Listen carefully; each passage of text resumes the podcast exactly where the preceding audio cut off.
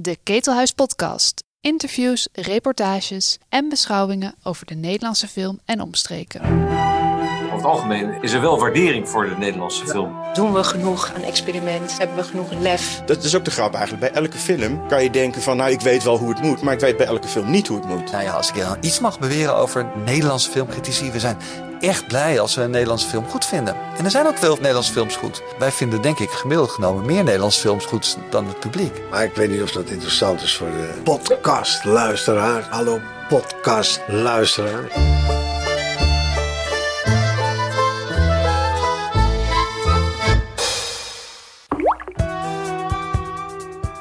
De DAF, de Dutch Academy for Film, organiseert in samenwerking met de NAPA zogeheten animatieconversaties. Uiteenlopende professionals komen daarin aan het woord over, jawel, de animatiefilm in ons land. In deze aflevering gaan Anna IJsbouts en Patrick Chin met elkaar in gesprek. Anna, die zichzelf omschrijft als queer en heel erg wit, houdt van de intimiteit van kleine teams. Patrick, medeoprichter van het collectief Animatie in Kleur, is meer van de grootschalige projecten. Zegt Anna tegen Patrick: Jij moet ook van die kleine kutfilmpjes gaan maken, joh.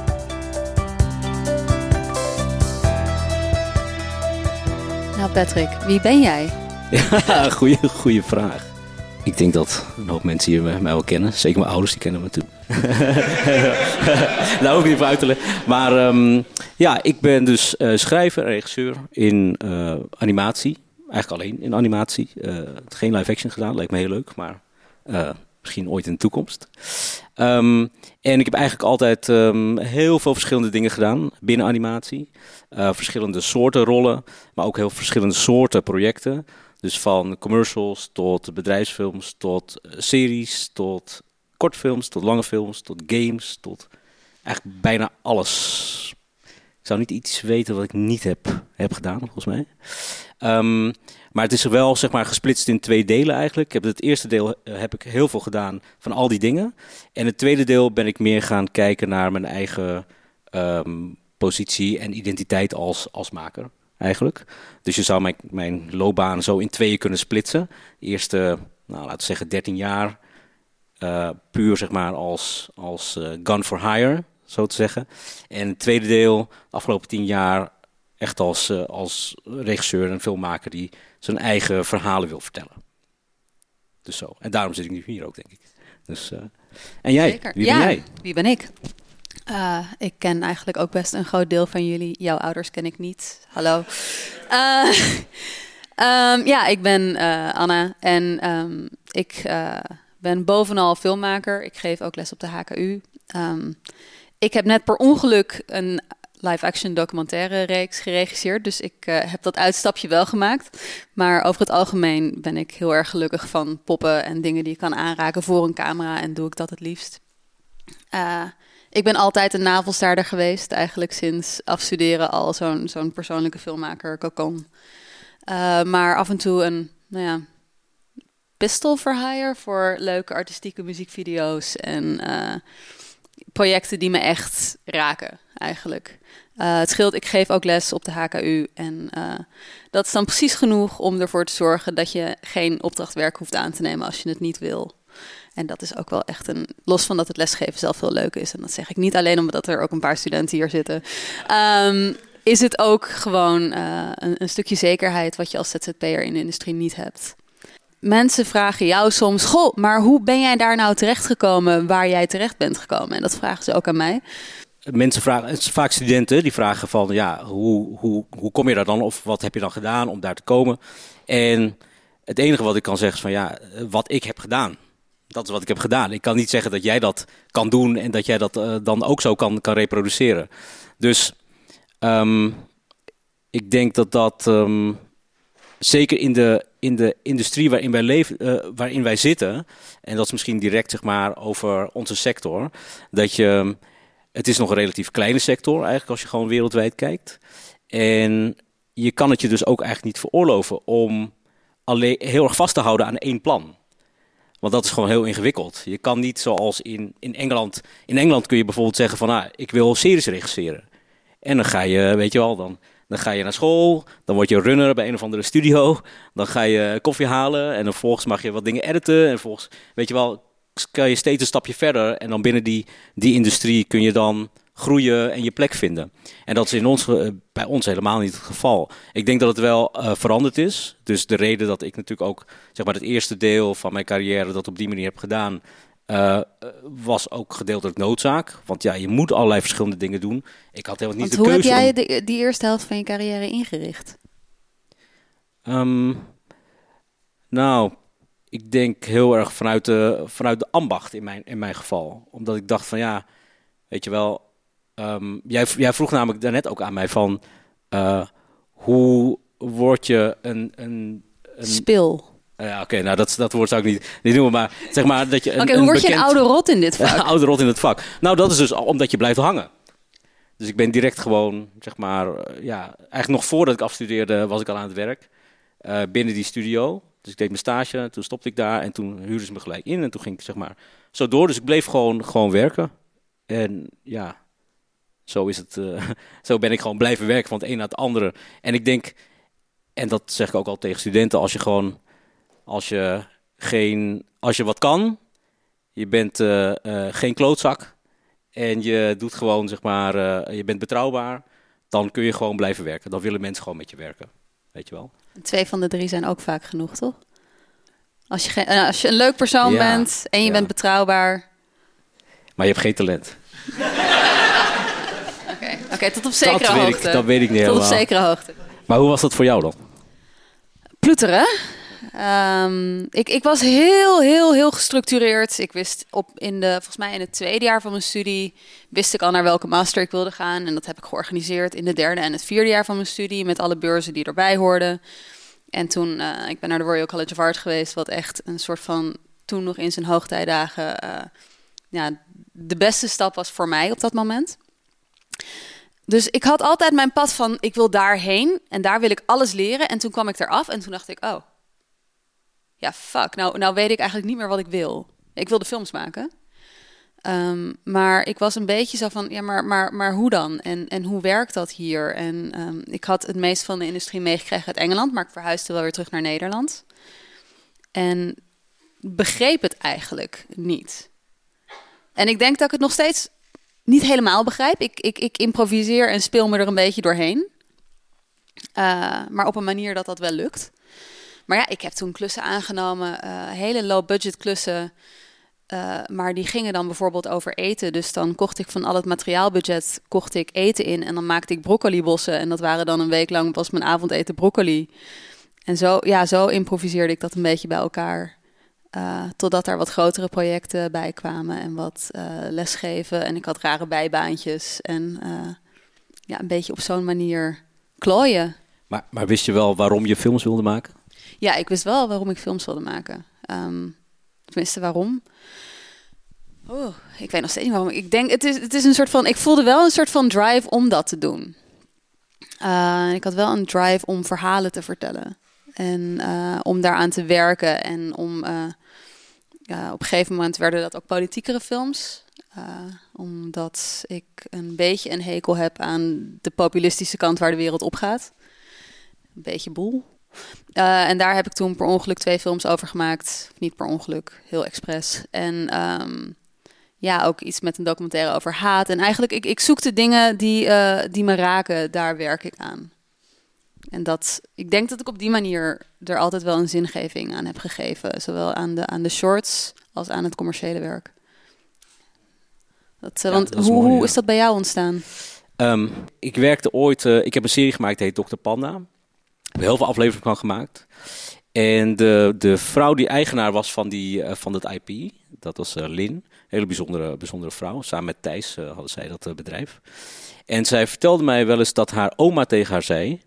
Die zei van, ehm, ik heb op het land gewerkt, zodat jouw ouders naar school konden. Jouw ouders zijn naar school gegaan, zodat jij kon gaan studeren. Jij gaat studeren, zodat jouw kinderen bedrijven kunnen beginnen, geld kunnen verdienen. En dat doen zij, zodat hun kinderen kunst kunnen maken. Dus ze had een, een, er was een soort van lange termijn plan, zeg maar. En iedereen moest zijn, zijn, zijn rol daarin spelen. Wauw, no pressure. Nou, zeg maar, ik heb eigenlijk heb ik zelf wel een beetje dat gevoel gehad dat ik dacht van, oké, maar weet je wel, uh, ik kom uit een familie die gewoon heel normaal is, gewoon een arbeidersfamilie. En, en eigenlijk heb ik heel lang het gevoel gehad dat het niet mijn rol was om nu kunst te gaan maken. Alsof ik te, te vroeg was. Weet je wel? Alsof ik een andere, andere rol moest spelen in de, in de, de, de groei van mijn, uh, van mijn achtergrond, van mijn familie of mijn uh, uh, cultuur of hoe je, hoe je het wil noemen. Jij moest eigenlijk nog de zekerheid brengen. Exact, exact. Dus ik denk ook dat dat een heel groot deel van mijn eerste deel van mijn carrière heeft beïnvloed. Ik dacht van, oh ja, wacht even, oké, ik wil, ik ga het niet opgeven om dan accountant te worden. Zeker te weten dat ik geld, maar weet je wel, ik moet wel dan zorgen dat ik gewoon geld verdien met het werk wat ik, wat ik doe. En pas later heb ik gedacht van, oké, maar wacht even, ik, ik kan ook een andere rol spelen, weet je wel. Misschien wel al in de kunst of andere dingen proberen te vertellen en juist die, die achtergrond en de, de, de waardigheid daarvan duidelijk proberen te maken. Ik ben opgegroeid in Ridderkerk, dat ligt zeg maar tegen Rotterdam aan. En Ridderkerk is eigenlijk een dorp met, uh, wat eigenlijk wel gewoon soort van wit gereformeerd dorp is. Toch? Kan ik dat zo zeggen? Wit gereformeerd dorp. Uh, alleen, zeg maar, de buurt waar ik opgroeide, uh, was een buurt die heel gemeleerd was omdat mijn vader werkte in de scheepsbouw in, in Rotterdam-Zuid, IJsselmonde. En die wijk, daar woonde dus van alles. Ik had vrienden uit Turkije, uit Spanje, uit Italië, uit de Antillen, overal vandaan. En uh, Indonesië. En voor mij, en ook Nederland natuurlijk. Uh, maar voor mij was dat dus eigenlijk heel normaal. Ik dacht van, nou, dit is gewoon hoe de wereld eruit ziet. Weet je wel? En natuurlijk was ik me bewust dat er een deel was wat er niet zo uitzag. Maar voor mij voelde dit altijd als, als gewoon. Toen ik naar de middelbare school ging in Rotterdam-Zuid, was dat net zo. Was ook heel, heel divers.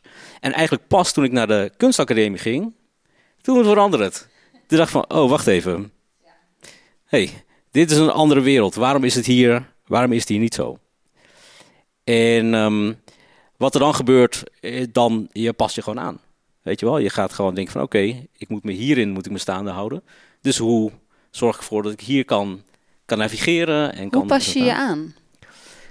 Um, ja, je past je denk ik de hele tijd aan. Omdat, je, omdat er bepaalde dingen zijn die anderen niet begrijpen.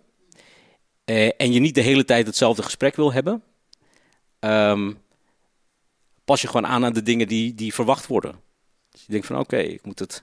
En het is niet altijd even makkelijk. Een van de dingen die ik me heel goed kan herinneren was um, dat ik. Um, ik had. Uh, wat was ook weer? Met klei gingen we dingen doen. Had een leraar die heette George, George Pelzer boetseren, sorry, oneerbiedig. We gingen boetseren. En was, uh, we gingen iets na boetseren volgens mij. Dus ze had iets neergezet. En uh, allemaal mensen stonden in de klas. En ik kwam wat later binnen. En um, ik sloot me gewoon aan aan de achterkant. En ik zette mijn uh, tafeltje neer en ik ging daar staan. En hij kwam, daarna kwam hij de klas binnen. En hij liep naartoe en hij zei van, waarom sta je hier? Zo kun je niks zien. En ik had zoiets van, ja... Daar stonden allemaal mensen al, dus ik ben gewoon hier gaan staan. Zeiden ja, de vraag het gewoon op opzij gaan. Hij zei, ga jullie even opzij? En, hij, en iedereen ging gewoon zo opzij en ik stond vooraan. En toen dacht ik van, oh ja, dat is ook een manier om met mensen om te gaan. Maar dat is niet wat ik heb meegekregen, weet je wel. Ik heb meegekregen dat je gewoon rekening houdt met elkaar. En als iedereen rekening met, houdt met elkaar, dan gaat dat vanzelf. Maar ja, uh, hier is niet. Hier is het een andere, uh, hè, andere manier van doen. Dus het zijn allemaal van dat soort momenten waarop je ja, gaat kijken van oké, maar welke strategieën of dingen moet ik dan toepassen om toch staande te houden in hè, uh, deze situatie. Maar ja, dat zorgt er wel voor dat je iets van jezelf dus moet, moet achterhouden. Ja, voelt dat als zelfcensuur op zo'n moment? Um, nee, op dat moment niet. Want op dat moment ben je gewoon aan het, aan het, uh, aan het overleven. Ja, ja, aan het leven, aan het overleven. En het mooie is dat ik nu inmiddels, ja, hè, uh, daar hebben we het straks misschien nog wel over, maar inmiddels uh, met mensen kan werken met, met wie je dat, datzelfde gevoel deelt. En dat is, dat, zoals ik daarnet zei, dat is voor mij zo'n normale state of being. Weet je wel, dat dingen gewoon divers zijn. dat dat, ja, dat ik het oncomfortabel vind als dat niet zo is. Als dingen te homogeen zijn. Weet je wel? Um, Dus daarom wil ik dat, wil ik dat laten zien. Dus je voelt je helemaal thuis in de Nederlandse animatieindustrie. exact. Precies, precies. Ja, ja. ja Heel nee, divers. dus- ja, nee, exact. exact. Dus daarom, eh, ja, ik ik vind het heel mooi wat er, wat er nu aan het gebeuren is. Dat daar nu ruimte voor komt en dat daar eh, een vraag naar is. En dat mensen daar ook, ja, die ruimte kunnen gaan, gaan innemen. Dat, eh, ja. Je hebt er ook, ik bedoel, ik zie je animatie in kleurbutton. eh wil je daar wat over kwijt? Eh, ja, ja, natuurlijk. Dus, dus een van de redenen, eh, nou ja, omdat wat, wat, wat we net hebben eh, besproken, ehm, realiseerde ik op een gegeven moment van ja, dat, daar, daar, daar moeten we ook zelf iets aan doen. Weet je wel, dus het moet aan allebei de kanten gebeuren. Ehm, ik merkte zelf ook, ik zal straks ook wat laten zien van het project waar ik aan bezig ben. ehm, waar ik mensen zocht met specifiek Surinaamse achtergrond, eh, of mensen van kleur, of om mee samen te werken. Eigenlijk zijn de meeste projecten die ik nu doe, hebben die insteek. Ehm, maar het is ook moeilijk om ze te vinden. Het is een beetje een kip of het ei verhaal, zeg maar. Want als je geen kansen krijgt om dat dan te doen, dan kun je het ook niet doen en dan kun je ook niet gevonden worden en weet je wel.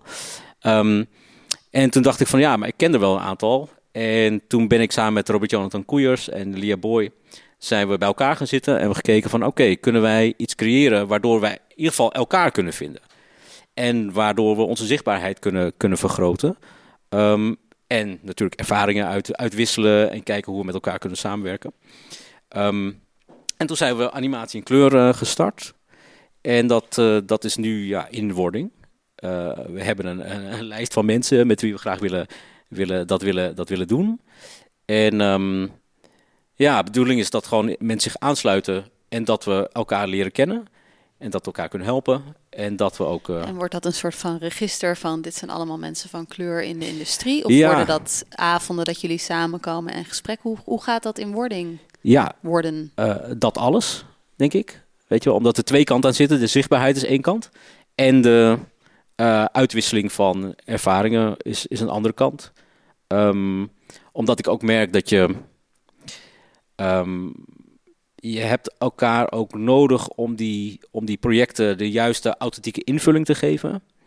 En het helpt als je daarbij ehm, kan levelen, weet je wel. Dat je, ik merk dat ik in, in bepaalde groepen hoef ik niks uit te leggen. Als ik dus in een diverse groep zit. Omdat iedereen snapt waar je het, waar je het over hebt. Als je een bepaalde ervaring deelt of een bepaald iets zoekt. En ehm, dat is, dat is als, een, als een warm bad. Weet je wel. Ehm wil niet zeggen dat ik, dat ik dat alleen maar zoek. Want ja, ik vind die diversiteit is voor mij dus heel belangrijk. Weet je, ik werk liefst met allerlei soorten, soorten mensen.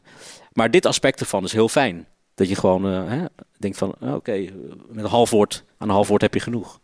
Ja, en ook, ik kan me voorstellen dat de diversiteit niet eh, altijd even makkelijk te vinden is. Dus juist eh, die diversiteit opbouwen in een team, zeker als je gaat regisseren, Ja. is dan heel belangrijk voor jou. Zeker, zeker, ja. En ehm, ik merkte ook dat het, ehm, het is moeilijk te vinden. Ehm, maar er is, wel, er is wel behoefte aan. Het was, eh, het was heel anders. Ik denk, ja, ik denk dat heel veel van de mensen hier, die zullen dat wel herkennen. Weet je wel, hoe, hoe zeg maar die, die, die veranderingen zijn gegaan in de loop, loop der jaren. Zeg maar, toen ik, toen ik startte, zo ro- rond 2000, zo eind jaren 90, was het ja, was het gewoon geen, geen issue of zo. In de, geen issue in de zin van niemand was ermee bezig. Sommige mensen riepen wel, weet je wel. Maar iedereen had zoiets van ja, eh, we doen gewoon alsof het niet bestaat. Want zo kunnen we dan, eh, dan werken, weet je wel. Ehm, en daar ga je zelf ook aan mee. Dat je dat idee van dat kleurenblindheid, dat dat dan zeg maar het, het, eh, het antwoord is. Ehm, maar ik heb wel dingen daar, daarna meegemaakt waarvan ik dacht van ja, oké, mensen willen dat wel veranderen. Maar er is wel het is er nog niet helemaal. Ik heb ooit eh, eh, meegedaan met een, een soort, soort van competitie, Nieuw of Nooit. Jullie zullen dat wel, wel kennen, toch? En dat was dan specifiek in het leven geroepen om andere perspectieven een kans te geven om hun verhalen te vertellen. En ehm, ik deed mee, ik had een, een, een, verhaal, een film geschreven van een half uur over een kleine, over een kleine Surinaamse jongen die heel opportunistisch zijn, eh, zijn eh, de eh, Winti, een soort van religie, wilde gebruiken om zijn CITO-scores omhoog te halen. Weet je wel, uit een soort van opportunisme, ni- geen idee wat het zeg maar inhoudt eigenlijk, maar dan toch daar iets mee moeten doen met die, met die invloeden uit zijn roots. En ehm, dat had ik ingediend. En wat mij meteen opviel en hoe het ook uitliep, is dat wat er gebeurd is. Ze hebben eigenlijk allemaal witte makers uitgekozen. Die verhalen gingen vertellen over andere uh, volkeren, andere mensen. Dan wordt het ook echt over. Dan wordt het ook echt een over, vertellen over. Ja, ja, precies, precies. Dus daar zag je, zag je wel van, oké, nou, het, het, idee is er, maar nog niet helemaal het, het besef wat dat dan precies inhoudt. Weet je wel? Maar dat, dat verandert en de, de, hè, inmiddels zijn we weer op een ander punt, waar ik denk van, nou, dat is, uh, het verandert meer. Er komen meer, meer kansen, wordt steeds meer mogelijk. Ja. Maar, Mooi. Ja, maar hoe was jouw, uh, jouw, jouw start, zeg maar? Mijn start, god jezus. Um, Oké, wacht, beginnen we weer terug. Nou, ik, begon, ik studeerde hier af van de HKU. Uh, en daarna heb ik mijn master gedaan in Londen. En daarna ging ik rare projecten doen. Eigenlijk alles waar ik mijn handen op kreeg. Tot van printerreclames tot uh, operettes uh, die animatie nodig hadden. En muziekvideo's. En een beetje nadenken over wat voor een films wil ik nou maken. Um, ik denk wel, op dat moment had ik er had ik over de, de, zes jaar daarvoor elk jaar één korte film gemaakt. Dus ik was ook wel even klaar met het maken van korte films, moet ik zeggen. Ik was even gewoon uitgemolken. Uh, maar muziekvideo's gaven me wel heel veel vrijheid om te experimenteren. Uh, wat ik tijdens mijn master ook had uitgevonden was dat ik lesgeven heel erg leuk vond. Dus ik ben eigenlijk um, ja, eerst een jaar begonnen met de met soort van de docentenopleiding daarnaast. Uh, ik heb nog heel even lesgegeven op een middelbare school. Wat um, niet door de leerlingen, die waren superleuk, maar door mijn collega's uh, een absolute hel op aarde werd. Um, drama, zeg maar dat mensen dat, dat, dat 3 VWO wordt gevraagd om zes weken te doen over het inkleuren met aquarel van het kleurenwiel. Dat soort uh, shit. Echt gewoon. Nou ja, ik, werd, ik werd daar helemaal ongelukkig van. Uh, het zat ook in Zoetermeer, misschien dat dat niet meeholp. Uh, mijn stagebegeleider die had het, om toch maar in te haken op inclusiviteit, over die ene met die hoofddoek. Nou ja, goed, ik, ik werd daar zielsongelukkig. Tegelijkertijd dacht ik, ik kijk ook hoe het is om les te geven op de HKU. Dat vond ik heel erg leuk. En eigenlijk was ik een half jaar bezig en toen werd ik opeens hoofddocent van een opleiding in Engeland. En toen, ging, toen was ik heel even vier jaar lang bijna alleen maar aan het lesgeven. Uh, en in het diepe gesprongen op uh, één dag per week op de HKU, drie dagen per week in Engeland.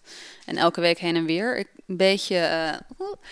Uh, en toen dacht ik, fuck it, ik moest film maken. Enorm. En toen was er een platform, de Poetry Project. Poetry Film Project? Ik weet niet meer hoe ze heten. In elk geval een, een platform wat filmmakers met dichters wilde verbinden. En uh, die hadden mijn afstudeerfilm van de RCA gezien. En die vroegen van, goh, wil jij meedoen? Er is geen budget. Ik zei, leuk. Um, dat is altijd een heel goed begin. Uh, prima, maar dan wil ik wel zelf de dichter bepalen. En dat, um, ik was toevallig een keer bevriend geraakt met Neil Gaiman. Dus dat is een goede dichter.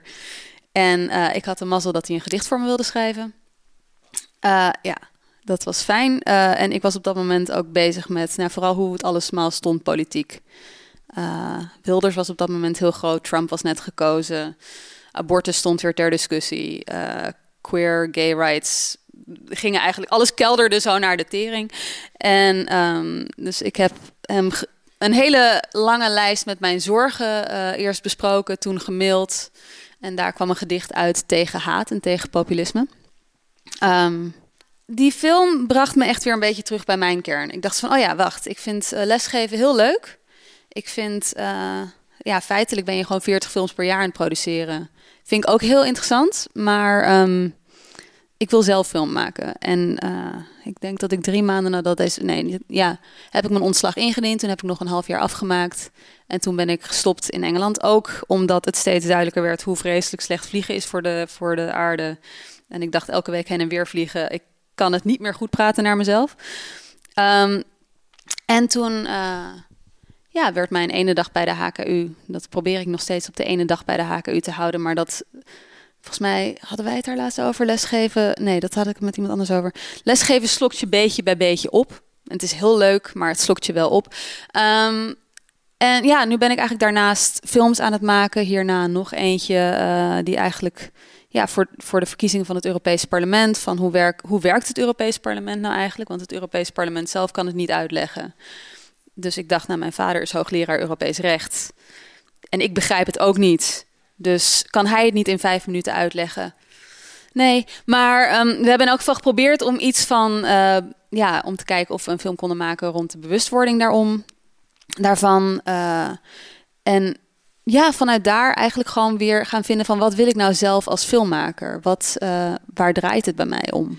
Want je zei, zei het heel mooi van dat je meer politieke dingen ging maken. En dat vind ik wel heel interessant, omdat ik begin nu bijna te voelen, zeg maar, dat, dat alles wat ik nu maak of aanneem, uh, bijna per definitie een statement is over, weet je wel, hoe ik het aanpak, met wie ik het aanpak, hoe ik het, zeg maar, vormgeef, uh, met wie ik dat doe, uh, weet je wel. Hoe, hoe voel jij dat? Um, ik denk, er zijn twee, drie quotes die bij mij eigenlijk over de jaren heen dat, um, dat, dat hebben gevormd. Dat is um, om te beginnen Nina Simone, die zegt: Who are we as artists if not? What are we as artists if not to reflect the times? Uh, dus ja, wat, wat doen we hier als we het niet hebben over waar het, het nu over gaat voor ons? Uh, en dat, dat raakte me heel erg. Uh, want ja, mooie dingen maken kan iedereen wel. Maar wat, wat raakt nu? Als ik daar heel even op, op mag ingaan. Zeker. Hoe, hoe combineer je dat met animatie? Want ik heb natuurlijk vaak gemerkt dat je actuele dingen doen in animatie is heel lastig omdat het zo lang duurt. ik wil het toch niet. Um, Weet je wel? Ja, nee. Uh, nou ja, bij Hate for Sale, daar had ik... Uh, ik dacht, dat was een gedicht dat ging over op dat moment aan de gang. En uh, ik dacht, de enige manier om dit te maken... Ik had twee maanden is om het film, Filmfonds pas nadat de film af is erover in te lichten. En daar heb ik dan wel heel, ben ik heel dankbaar voor afwerkingssubsidie voor gekregen. Maar inderdaad, qua tijd, je kan niet iets actueels maken anderhalf jaar na data, na dato. Uh, Europees Parlement film hebben we eigenlijk hetzelfde gedaan met crowdfunding. Van het moet hier en nu en verdomme, ik wil die film maken, dus dat. Dat is ook weer vanuit de luxe positie dat mijn basiskosten gecoverd zijn. Uh, anders dan zou ik dat ook niet kunnen doen. Maar ik denk voor mij als iets heel erg urgent voelt, dan moet het meteen. Als het een langere vorm van urgentie heeft, bijvoorbeeld, um, nou ja, dingen die voor mij heel urgent zijn, maar misschien niet per se voor de wereldpolitiek op dit moment, dan ben ik misschien wel bereid om uh, het langere ademtraject in te gaan. Maar ik merk wel dat uh, qua urgentie, dat je dan wel echt een vlam zelf steeds moet blijven aanwakkeren. Ik weet niet hoe dat voor jou voelt. Nou, zeg maar, voor mij inmiddels is het dus bijna niet meer mogelijk om het van elkaar los te zien. Ik vind wel grappig dat je dat zegt, dat, dat het zeg maar, als het aan de ene kant voor de wereld heel belangrijk is, dan uh, heeft een bepaalde urgentie uh, en heeft een bepaalde investering in je, in je hart, zeg maar, om dat te doen. En als het meer persoonlijk is, dan is dat weer iets anders. Maar voor mezelf heb ik nu het gevoel alsof ik dat bijna niet meer kan scheiden van elkaar. Weet je wel? Maar ik weet niet hoe dat. Of dat. Ja, ik weet niet hoe ik dat moet duiden verder of zo. Dat, dat is gewoon nu hoe, hoe het is. Misschien dat dat wel weer verandert. Maar ik denk dat die mate van urgentie. Misschien heeft het daarmee te maken. Dat ik gewoon de mate van urgentie die ik voel voor bepaalde verhalen. Die, uh, die zijn zo urgent dat, dat, dat ze en persoonlijk en voor de wereld zijn. Ja. Weet je wel? Um, dus... En hoe krijg je die dan gemaakt? Uh, goede vraag. Nou, wat, wat helpt is de urgentie. Dat ja. merk ik heel erg. Um, dat als je als maker um, op die manier je projecten uh, ontwikkelt, dat ze zo persoonlijk en uh, voor de wereld zijn, dat is, uh, volgens mij is dat uh, goud voor producenten, toch? Uh, je zei bij Nu of Nooit, um, was je eigenlijk een beetje ahead of the curve. En volgens mij ben je dat bij meerdere projecten geweest in je carrière. Dus hoe, hoe baseer je dat, of hoe pas je dat op elkaar aan, zeg maar? Je, je persoonlijke urgentie van dit moet nu gemaakt worden. En is de industrie er klaar voor of de mensen die op die posities zitten? Um, ja, goede vraag. Eh, het is ook, ik denk, het haakt ook terug aan het begin, zeg maar, dat je, je moet praktisch zijn. Want je hebt gewoon heel veel mensen nodig, weet je wel, om, om dit te doen. Dus je, je, mijn deel is om die persoonlijke urgentie te creëren in een werk wat andere mensen kan aanspreken. Ehm, maar daarbij heb ik natuurlijk nog steeds uh, allerlei andere mensen nodig om dat dan ook te kunnen maken. Dus als ik, dat, als ik dat kan overbrengen, hoe sterker die urgentie bij mij is, hoe beter ik dat kan overbrengen. En dan gaan ze mee, zeg maar. Het is, het is zelden dat ik projecten heb waar ik geen medestanders bij kan vinden. Omdat ik inmiddels zorg dat het wel voor mij zo belangrijk is dat, dat, dat ik dat over kan brengen. Weet je wel? Um, en dan is het uh, van een miljoen dingen afhankelijk, zeg maar, wat er dan verder gebeurt. Of dat dan ook werkelijk wat, wat wordt. Um, maar in dat beginstuk, zeg maar, waarin je gewoon elkaar zoekt en, en, en hopelijk ook vindt, uh, daar, daar gaat dat goed, denk ik. Sowieso als je dat op die manier kunt, kunt aanpakken. En dan of het dan, zeg maar, ja, nu actueel is of in de toekomst actueel zal zijn.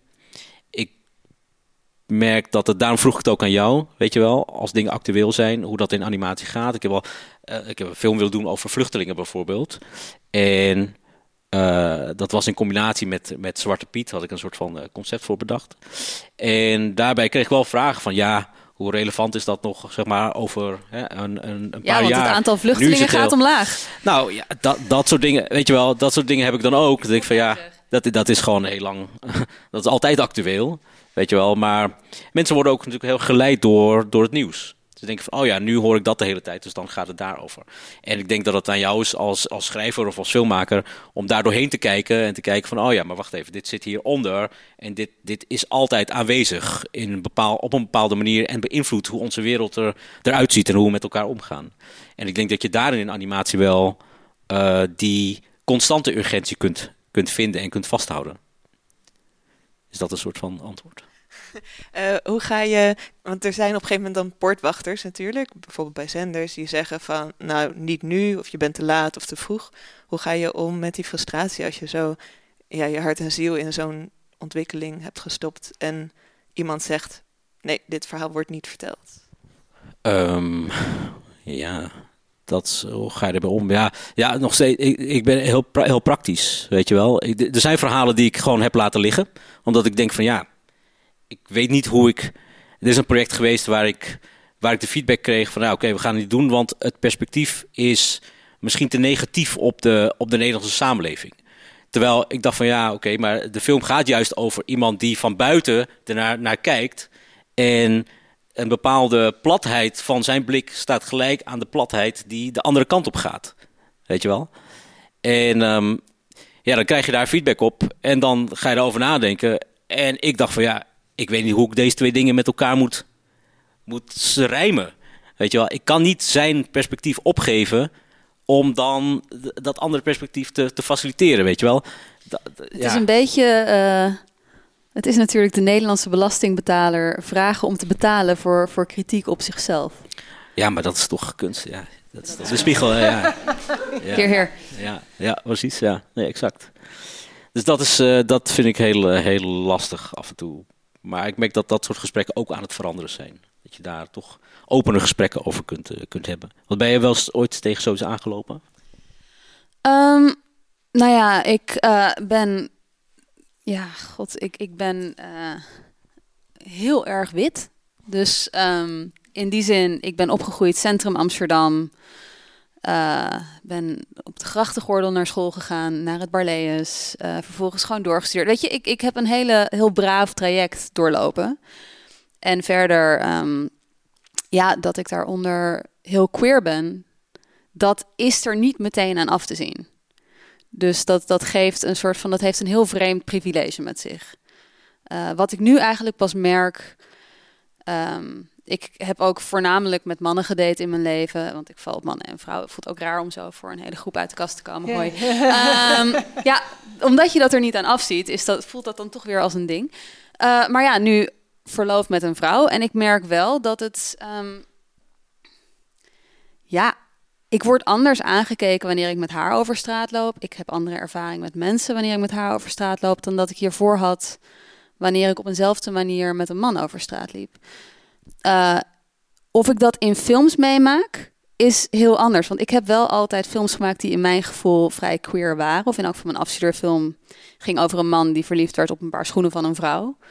Uh, en uh, zo, zo, nog, zo kwam dat her en der een beetje terug. Nu ben ik bezig met een film waarin die, die biseksualiteit een heel stuk centraler staat. Ook omdat het mij nu veel meer bezighoudt. Omdat ik er veel, ja, wat jij ook zegt, ik ben er nu veel actiever mee bezig eigenlijk. Ook met uh, wat wil ik daarover zeggen. Um, ik vind het nog steeds heel gek om dat te zien als urgent. Omdat het voor mij geen, ja, hoe zeg je het? Het heeft altijd bestaan en het zal altijd bestaan. Dus in die zin voelt het voor mij minder urgent dan bijvoorbeeld politieke crisissen of minder actueel.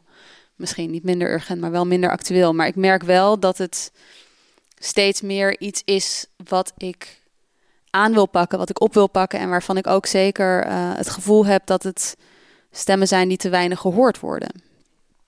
Uh, en ook in de animatieindustrie, hoe, hoe queer we met z'n allen ook zijn, de filmpjes zijn vrij uh, niet. Ja, ja zeker.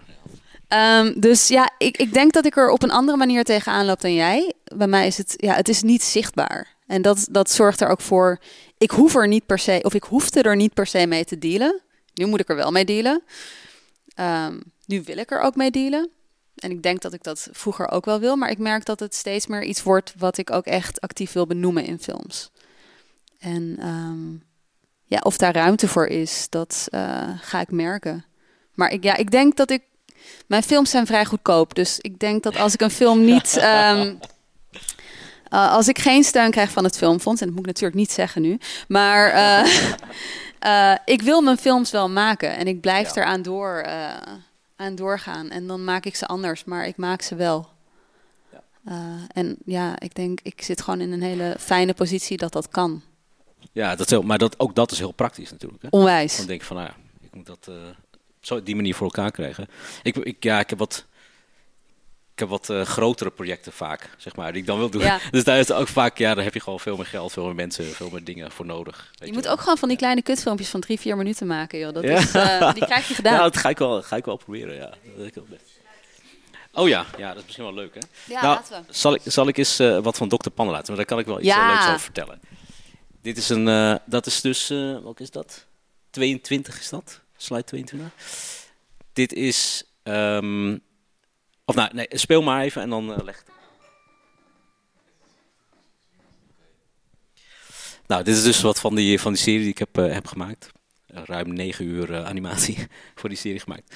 met muziek van Alex hier, prachtige muziek. Ja, en het bijzondere hieraan is, daar, ik, ik kwam gewoon in me op als contrast, zeg maar. Omdat het filmpje wat je nu ziet, heb ik gemaakt voor een, een gala in, in China. Uh, waar het ook werd vertoond. En dat is een nieuwjaarsgala. En um, daar worden alle nieuwe content wordt geïntroduceerd voor de Chinese staatstelevisie. Voor al die verschillende uh, zenders die ze daar hebben. En daar kijken 1 miljard mensen kijken daarnaar. Op dat, tijdens het gala. 1 miljard mensen kijken naar dat, dat gala. Ja, exact. En uh, dus, dus de, deze video is zeker... Ze zullen niet alle 1 miljard hebben gekeken... Maar een groot deel die kinderen heeft en die kinderen hebben, die kijken daar, dus, dus naar. Dus ik wil zeggen dat er zeker 100 miljoen naar hebben gekeken of zo. Weet je wel?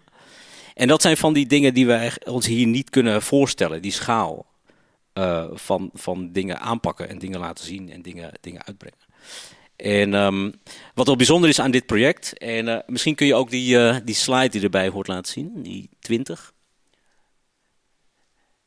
Ik heb even de, dit was een heel internationaal project. Dus uh, we hebben een deel hier in Nederland gedaan. Uh, deel in Engeland, uh, deel in Maleisië. in China zaten mensen. En wat dus leuk is om te zien hier. Dit is dus de, de crew aan de Maleisische kant. Kim die zat in Engeland. Esther, mijn regieassistent, die zat hier in, Nederland.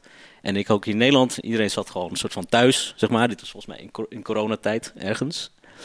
Um, Maar dat is dus het gevoel wat ik ook heb overgehouden aan, aan, die, aan het maken van die serie, is dat de wereld is zo groot. Weet je wel, we zitten hier gewoon in Nederland in ons eigen soort van bubbeltje. Maar de wereld is veel groter dan dat. Er zijn allerlei soorten mensen met allerlei soorten ideeën en dromen over hoe dingen moeten worden aangepakt of wat de beste manier van doen is.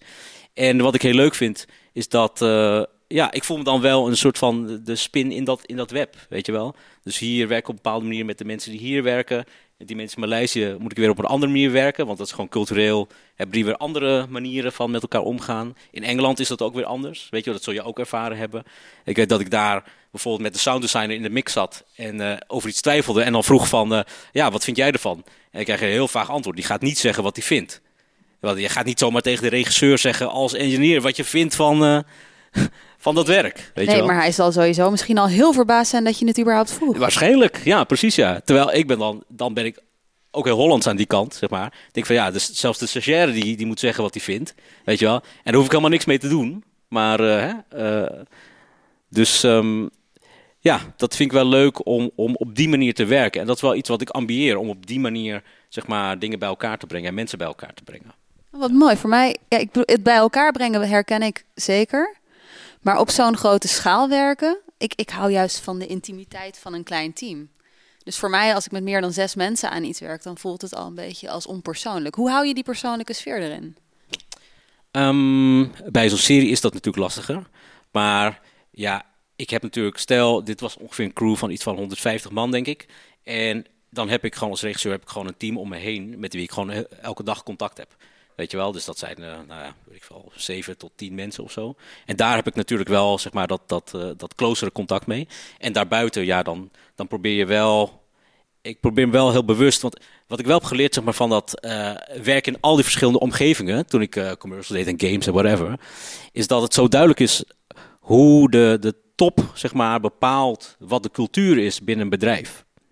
Weet je wel, dat, dat komt echt, die persoonlijkheid komt daar vandaan.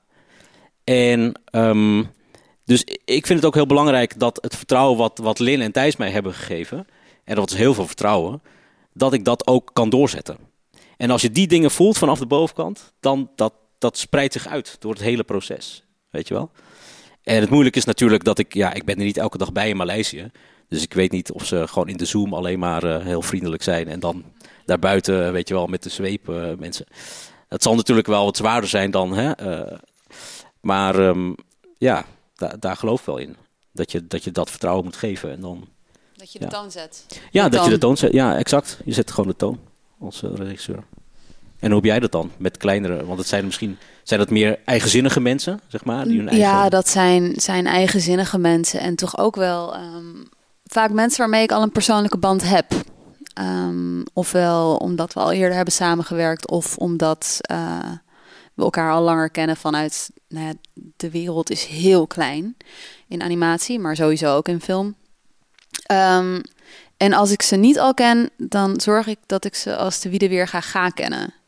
Dus um, dan ga ik liever ook gewoon echt. Uh, ja, dan, dan ga ik ook wel echt veel met ze optrekken eerst voordat ik weet of ik. Uh, ik ben best wel picky, denk ik. Maar ja. ja. Weet je wat, wat mij is opgevallen? Ik denk dat. Um, ik kom nu ook wat vaker aanraking met mensen die in, die in live action werken, bijvoorbeeld uh, op schrijvers of op andere, andere manieren. En ik merk dat ik vanuit animatie heel erg ben gewend geraakt, zeker in deze kleine Nederlandse animatie, dat als ik met mensen werk, moet het bijna vrienden van me zijn. Weet je, alleen maar collega's is, vind ik al lastig. En dat komt omdat je, ja, je zit zo met elkaar in de, in de, in de loopgraven, dat, en lang, Weet je wel, lang met elkaar in de loopgraven. Dus je moet wel met elkaar kunnen opschieten. Tot aan het graf in de, in de ja, graven, ja. Ja, weet je wel. Uh, meer dan alleen maar van uh, 9 to 5. Oké, okay, hey, uh, ik zie je morgen weer en we delen verder niks met elkaar. Heb jij dat ook? Uh, dat sowieso.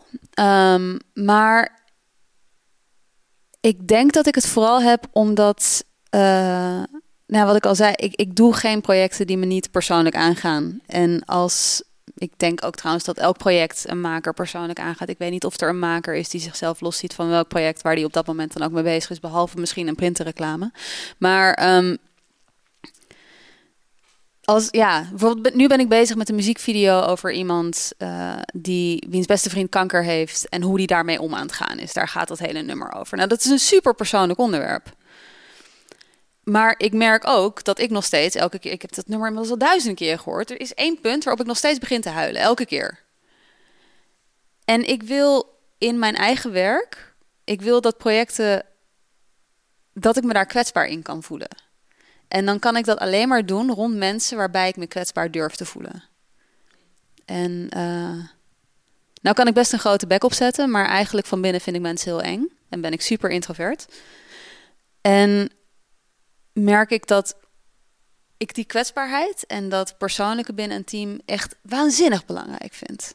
En daarom ook denk ik graag klein werk en graag intiem werk. En uh, ja, dat, ik, ik voel dat bijvoorbeeld niet wanneer ik werk via Zoom met mensen. Dat kan ik dan ook gewoon niet. Dus ik vind het heel bijzonder dat jij, dat jij op zo'n manier zo groot dat je, dat je dat vertrouwen bijvoorbeeld kan overdragen van, ja. van de ene soort van, van het ene plateau naar het andere. Nou, ik vind het ook wel prettig om natuurlijk mensen ontmoet te hebben.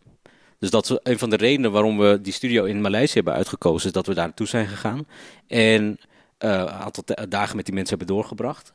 En wat mij heel erg opviel, is dat zij bijna een soort van familie hebben gecreëerd in hun studio. Weet je wel? Um, en dat, dat sprak me heel erg aan. Dat voelde heel erg uh, bekend. Weet je, zo'n manier waarop je met dus zij namen jou op in hun warme bad en in hun intieme omgeving op die um, manier? Dat, maar ook, ik zag het bij hun onderling, zag ik het. En dat, dat vond ik heel mooi. Want ik dacht van, als je op die manier met elkaar uh, werkt en je, je hebt het gevoel dat je voor elkaar zorgt, zeg maar, dan geloof ik ook dat als, als het niet zo lekker loopt, zeg maar, dat je dat dan nog steeds doet. Ja, Weet dus dat je daar een vorm van eerlijkheid in kan vinden. Ja, een vorm van eerlijkheid. En niet, eh, maar ook een, voor mij persoonlijk een vorm van herkenbaarheid. Ik dacht van, oh ja, dit herken ik. Deze manier van met elkaar omgaan, snap ik. Ja. Weet je wel? En ik snap wat de waarde daarvan is. En wat je daaruit kan halen. Um, dus ja, dat, uh, dat speelt wel een rol, zeg maar, op die manier met elkaar omgaan. Uh, nou ben ik benieuwd wie hier werkt in de animatieindustrie. Dat, Kijk. dat valt. Nou, oké. Zeker. Dat, dat is toch ongeveer de helft. Wie hier heeft zijn pensioen op orde? Eén. Eén. Twee. Soort van, een beetje. Sorry, hele gemene vraag, hè? Ja, ja, precies. Ja. ja, ik ook niet. Ja. behalve van dat lesgeven, dus dat helpt. maar ja, um, uh, ja waarom, waarom uh, Waarom vond jij het ooit, want jij bent een van de oprichters van DAMT, van de uh, vakbond voor animatoren. Waarom vond jij dat belangrijk? Um, nou, ja, ik denk um, misschien ook een beetje wat, wat, wat toen het over had. Ik heb een beetje de neiging om, uh, ik vroeger toen ik op het voetbalveld ook stond, als kind zeg maar, als zevenjarige. ik rende altijd naar waar de ruimte was, zeg maar. Dus als iedereen die kant op rende, dan rende ik daar naar. Ik kreeg nooit de bal, want niemand keek die kant op. Alleen, uh, ik stond er wel. Als ze de bal hadden gegeven, dan stond ik op een hele goede plek. Weet je wel? Um, je had gewoon een betere visie op het spel. Nou, ik zie de ruimte, weet je wel. En dan, dan stap ik daarin. Of dat dan een goed plan is of niet, dat weet ik niet, weet ik niet precies. Uh, maar dat was in dit geval wel een beetje zo. Dat ik dacht van, ja, het is heel duidelijk dat de, um, de industrie aan het veranderen is en aan het groeien is. Er komen grotere projecten, er zijn... Uh, de, door, die, door de incentives en noem maar op, kom, komt er werk naar Nederland. Um, en ik zag heel duidelijk dat producenten daar ja, mee bezig waren. Weet je wel? Natuurlijk heel, heel logisch ook, want dat is hoe, dat, hoe dat werkt. Um, maar ik zag ook dat animatoren zich totaal niet daarmee bezig hielden. En, um, Wij vinden het allemaal zo leuk. Ja, het is ook denk ik gewoon een beetje naïviteit. Mm. Weet je wel, eh, dat, dat, ik denk zeker eh, binnen eh, bij jonge, jonge mensen dat zij nog niet helemaal snappen, zeg maar, dat, dat geld belangrijk is. Zeg maar, om je leven te, te, kunnen, te kunnen leiden. En zeker in de toekomst. En um, dat is ook niet gek natuurlijk. Dat ze, ja, dat is voor, is voor jullie. ja, ja, precies. Um, uh, maar dat je daar wel, je moet daar toch echt wel over, over nadenken. Ja. En daar gewoon mee bezig zijn. En zorgen dat je, dat je, dat je belangen behartigd worden. Weet je wel, want iedereen praat mee, zeg maar. Maar ja, als de animatoren zelf niet meepraten, dan wordt het allemaal voor je, voor je beslist. Ja, en, en dan dat, kom je er uh, natuurlijk niet als beste uit. Uh, nee, zeker niet. En dat is niet uit, uit slechte wil bij de anderen. Maar ja, als jij er niet bent om te vertellen wat jij wil. Hè, uh, zoals ik bij het, de anekdote van de, de klei af, aangaf. Weet je, dan sta je gewoon achteraan. Ja. Uh, en dat is niet omdat de anderen iets tegen je hebben. Maar ja, dat is gewoon hoe het, hoe het gaat. Weet je wel. Dus dat was een hele grote reden waarom ik dacht van... ja, alleen al om gewoon je stem te laten horen... moet je je verenigen en daar iets mee, mee doen. Ja. Mooi. En jij, waarom ben jij erbij? Want jij kwam er later ja, bij. ik ben, ik ben na jou gekomen. Ja. Um, ik merkte inderdaad ook hetzelfde. Um, los van dat ik uh, nooit iets meegekregen had op mijn studie wat betreft geld of wat eerlijke betaling betreft. Of uh, sowieso had niemand het ooit over tarieven. Daar mocht je het niet over hebben. merkte ik toch ook weer als docent, los van dat ik zelf helemaal niet door had hoe het zat, maakte ik me daar wat minder zorgen over dan dat ik elk jaar 25 studenten de wereld instuurde die ook geen idee hadden hoe het zat. En uh, dat ik mailtjes kreeg van studenten dat ze uh, van een bepaalde producent niet mochten praten met klasgenoten die misschien ook waren aangenomen voor dezelfde productie over hoeveel ze dan wel niet zouden krijgen betaald die dag. Want uh, ja, nee, dan, dan, dan zou het onhandig worden. Terwijl die producent die zet zichzelf daarmee in een onderhandelingspositie die heel sterk is, die vraagt een student, hey, of een net afgestudeerd iemand, wat is jouw dagprijs? Zonder en zegt dan vervolgens, maar je mag het er met niemand over hebben. Nou ja, die, die wordt natuurlijk stom nerveus. En uh, los van dat ik er gek van werd dat ik steeds dat soort mailtjes kreeg van wat moet ik, wat moet ik vragen, dacht ik vooral ook van Jezus, we moeten mensen echt, um, we moeten dit taboe om het hebben over geld moeten we doorbreken. We moeten zelf weten wat we waard zijn en we moeten vechten voor wat we waard zijn. We moeten werken aan producties die ons betalen voor wat we doen. En niet uh, dat je uiteindelijk voor een minimumloon aan iets um, aan het werken bent waar je eigenlijk ook niet heel erg veel voldoening uithaalt. Ik denk dat daar nog een balans is van hoeveel voldoening haal je uit een project tegenover wat je ervoor betaald krijgt. Je weet, bij artistieke projecten krijgt de regisseur zelf uh, over het algemeen minder dan het minimumloon betaald. Maar um, dat is niet hoe het zou moeten zijn. En uh, ik merkte dat ik daar heel boos van werd. Uh, en dat ik daar ook wel graag. Ja, ik zag daar ook echt een kans voor de vakbond om een nieuwe generatie daarin goed op te leiden. En dat was waarvoor ik daar zat. En inmiddels ben ik eruit, want ik doe veel te veel dingen en ik had geen tijd ja. meer. Ja. Nou, ik denk, eh, zeg maar, voor mijzelf, dat is, ja, klinkt heel herkenbaar. Weet je wel. Uh, um, en ik ik zit nu een soort van in een moment waarop ik gewoon al die dingen bij voor mezelf aan het verbinden ben aan elkaar. Dus ik denk dat dat ook voor mij is ook weer een, een onderdeel van het, um, het laten horen van minder gehoorde stemmen. Weet je wel? Uh, dat zit allemaal daarbij bij inbegrepen. Uh, als die stemmen aan die kant niet gehoord worden, hetzelfde als de stemmen van groepen, andere groepen, zeg maar, die niet gehoord worden. Um, en dat ja, dat kun je allemaal aan elkaar gelijk trekken bijna. Weet je wel, dus de, de omstandigheden zijn wat anders, maar ja. het is dezelfde mate van, uh, van ja. Je, je vecht voor een vorm van eerlijkheid eigenlijk. Ja. Dat vind ik, dat is een hele filosofische vraag eigenlijk. Want het, ja, nee, ik weet niet of het, is het eerlijkheid? Ik wil in ieder geval iedereen, iedereen een kans gelijkwaardigheid. Geven, weet je wel? Ja, gelijkwaardigheid, sowieso, ja. En dat iedereen een kans heeft om, om dat dan te kunnen doen. Of je hem dan grijpt of niet, dat is natuurlijk een ander, ander ding. Maar uh, ja, dat, dat zeker. Ja. ja, ik ben erg geïnteresseerd in, uh, in de button. Ja, tuurlijk. uh, ik ja. begrijp heel erg dat de animatie in kleur, dat het ook vooral een, een, een, de eerste stap is naar animatiemakers in kleur bij elkaar brengen. In hoeverre is het, denk jij dat het ook vooral een inhoudelijk gesprek gaat worden met, met, met de mensen om je heen. Want ik zelf als producent ben, voor duidelijkheid ook, inmiddels door projecten ook op zoek naar makers van kleur. En dat is, uh, daar heb ik zo mijn eigen reden voor. Maar ik kan me heel goed voorstellen dat het veel breder is. Kun je daar misschien iets over vertellen? Want dat gaat heel erg ook over jou als maker of over jou als maker. Over je culturele bagage en je identiteit die je misschien voorheen niet kwijt kon. Dus voorzie je dat dat ook een, ja, dat ook een inhoudelijke sessie met elkaar? Uh, ja, zeker. Ik denk wat ik nu merk, zeg maar, we hebben een soort van klein groepje waar we nu uh, regelmatig mee spreken om te kijken wat we willen doen. Weet je, wat voor video's willen we maken voor het kanaal of wat willen we bijeenkomsten organiseren. En eigenlijk zijn dat al in kleine vorm, zeg maar, al automatisch de, de onderwerpen en de dingen waar we over spreken wanneer we samen zijn. Weet je wel, van, uh, en daar komen onderwerpen aan bod als, terwijl je gewoon ervaringen deelt, van oh ja, oké, ik, ik zat in zo'n gesprek uh, met iemand, maar ik had het gevoel alsof, um, alsof de verantwoordelijkheid voor dit inzicht op mijn schouders werd gelegd. Weet je wel, dat soort dingen allemaal. Dat je denkt van, oh ja, oké, nu ben ik dus degene die, die deze hele, dit hele idee moet gaan vertegenwoordigen.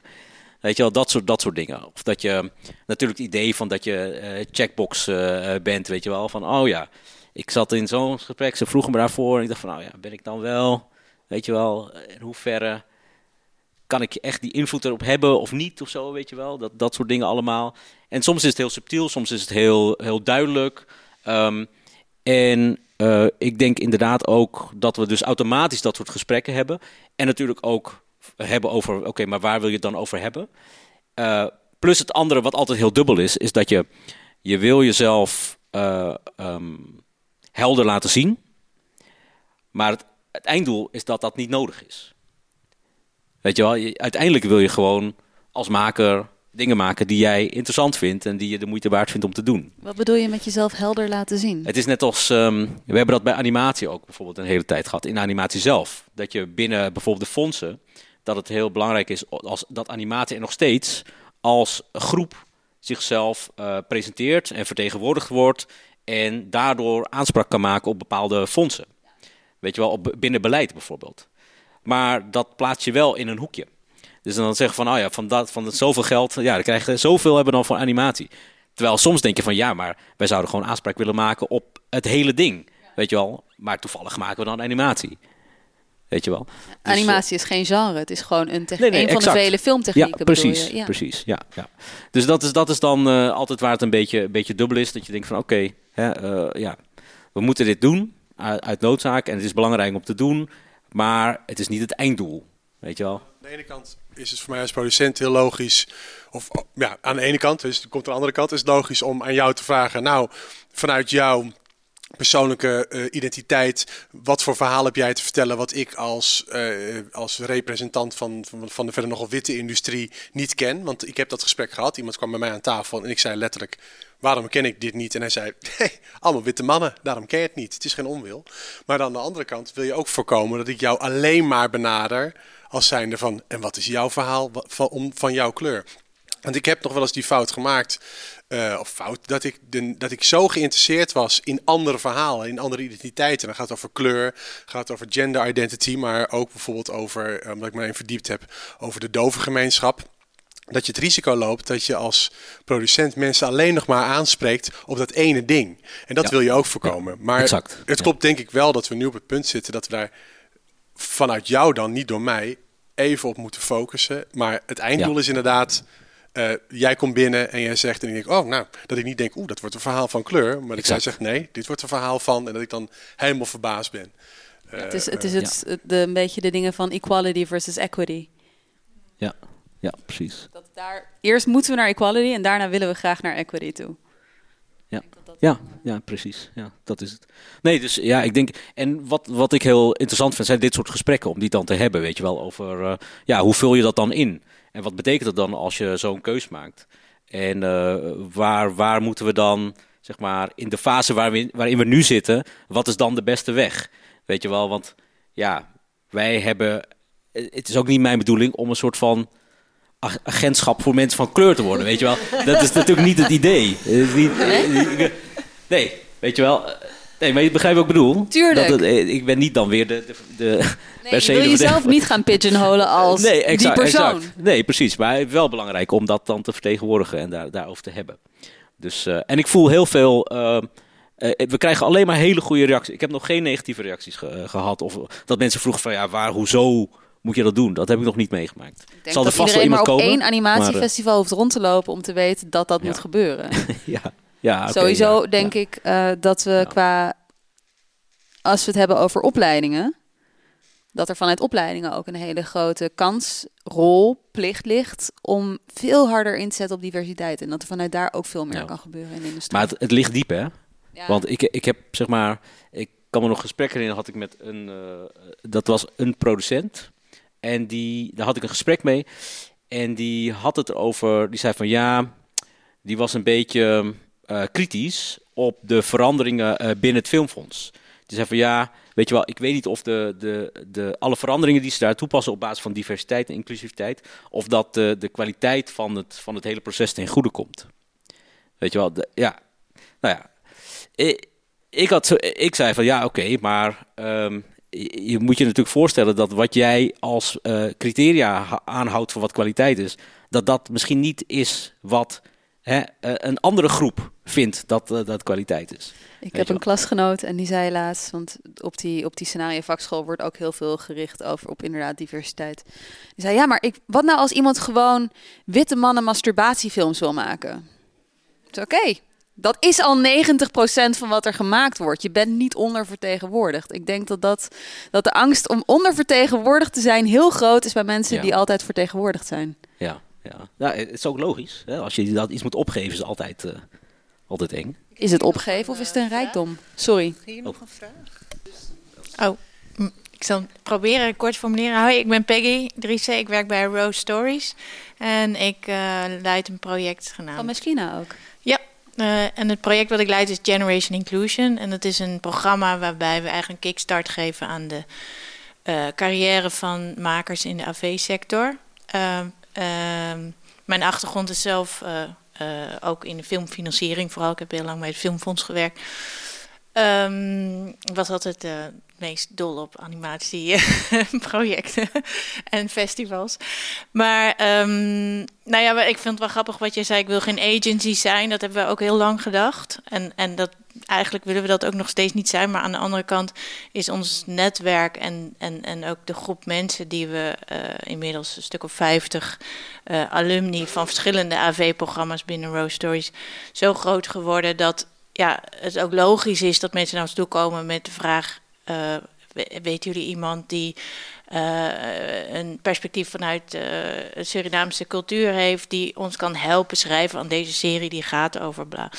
Dus um, ja, dat. En, en heel lang hebben we ons verzet en gezegd: Nou, we zijn geen agency en we zijn geen uitzendbureau. En, maar het geeft wel kansen voor die mensen die in onze groep zitten, in ons netwerk.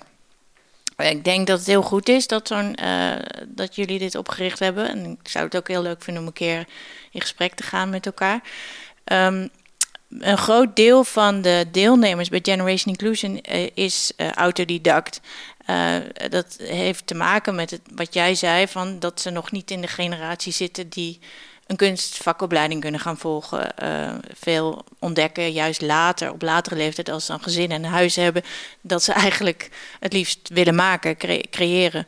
Um, dan, uh, ja, dat bedacht hebben, komen ze soms bij ons terecht. Of hebben ze wel dingen gemaakt in de com commer commerciële sferen meer. Is er ruimte in de animatiewereld? Is eigenlijk niet alleen voor jullie, maar misschien voor iedereen die in de animatie uh, werkt. Is er ruimte voor autodidacten in anima om werkervaring op te doen, om te leren? Uh, en dan niet alleen maar onbetaald, maar ook misschien met een beetje geld. ja, hele goede hele goede vraag. Um, ik loop daar nu zelf wel een beetje tegenaan, omdat ik dus ook op zoek ben naar mensen om mee samen te werken. En dan merk je dat, en ik had laatst ook met een andere schrijver erover, die zei van. Um, Um, de reden waarom dat lastig is om autodidacten is dat het voor, uh, voor vanuit de financiering zeg maar, uh, uh, moeilijker is om mensen die geen achtergrond hebben in dat vak en al credits hebben opgebouwd, om die zeg maar, aan je project toe te voegen om je financiering rond te krijgen. Weet je, wat ook heel, heel logisch is. Um, dus het is een beetje kip of het ei, opnieuw. Um, maar ik merk wel dat ik voor mezelf wel aan het zoeken ben. Dat ik denk van oké, ik ga nu een, een, een, film maken. Ik denk van nou, dan wil ik graag iemand die gewoon in de basis een connectie heeft met het materiaal.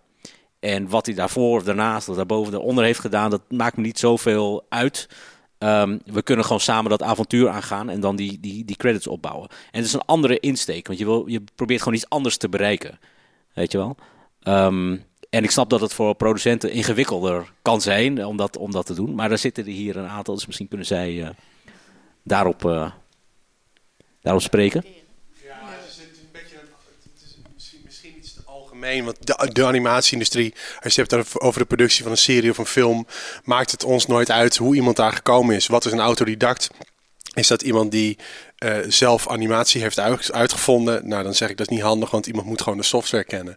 Maar als iemand zich meldt als een autonoom maker, uh, uh, maakt het mij ook nog steeds niet uit hoe iemand van A naar B is gekomen. Dus het is een beetje de vraag van wat moet iemand kunnen? Hè? Dus als, als, als iemand kan animeren in bepaalde software. En die heeft dat zelf helemaal zichzelf geleerd en nooit een opleiding gedaan. Wij vragen nooit naar een cv, wij vragen naar een screentest. Dus je wordt denk ik in onze industrie, en dat is wel het goede nieuws, heel erg beoordeeld op je kunnen. En je kunnen is heel breed, want dat hadden jullie aan het begin ook al. Je kunnen is ook de mentaliteit. Ben je aardig? Heb je talent? En dat is de andere. Ben je betrouwbaar? En, ja, betrouwbaar, ja, precies. Dan voeg je aan toe, ben je betaalbaar? Nee, dat is heel flauw. Nee, Typische producentenopmerking. Ja. maar uh, ik denk dat er heel veel ruimte is. Het is, niet, het is een tamelijk open, open industrie. We hebben nu naast, uh, we zijn nu een, 3D CGI computeranimatiefilm aan het maken. Wat per definitie een zeer hoogwaardig technologisch iets is waarvan je niet zo zeggen dat je zelf kan leren. Maar een van onze meest talentvolle stagiaires is een hele jonge jongen die uh, daadwerkelijk uh, zijn moeder mee moest nemen omdat hij nog te jong was om te tekenen voor het stagecontract. Die zichzelf dat allemaal geleerd heeft. Uh, terwijl hij met één hand aan het gamen was, met zijn andere hand. Nou, die jongen is het, het voorbeeld van autodidact. Het kan. ik vind wat dat betreft zijn we een heel erg. Wat dat betreft zijn we een improviserende industrie. Alleen we improviseren op een soort van. hoe noemen ze dat? Glacier scale. Ja, maar het, het is gaat allemaal heel langzaam. Nou, wat ik zie nu aan studenten, weet je, die komen binnen en die zijn al autodidact. Ik hoef ze technisch gezien bijna niks meer te leren. Het gaat puur over het inhoudelijke. Maar alles is inmiddels uit boeken, uit tutorials en vooral ja, tutorials op YouTube. Je kan jezelf van alles aanleren. Ik denk het grootste uh, probleem waar ik tegenaan loop bij mensen die willen leren, maar dat nog niet doen, is dat ze er nog niet zijn. Dus dat je feitelijk een stagiair aanneemt die nog niet op het level is van bijvoorbeeld een stagiair jaar drie maar wel een professionele betaling nodig heeft om te kunnen overleven. Wat ik ook volledig begrijp. Maar daar is misschien in een industrie minder ruimte voor, juist omdat, dat, uh, omdat er nou ja, een aantal plekken zijn voor een aantal mensen. En als iemand iets wel al kan, dan neem je die persoon aan. En dan is het echt een kwestie van, ja, dan, dan is het heel hard thuis studeren, maar die techniek is in de vingers te krijgen.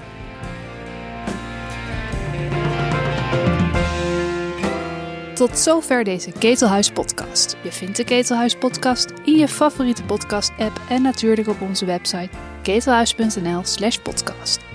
Abonneer je vooral zodat je geen enkele aflevering mist en leuk als je een reactie achterlaat. Hou ons in de gaten, we zijn snel weer terug met een nieuwe podcast.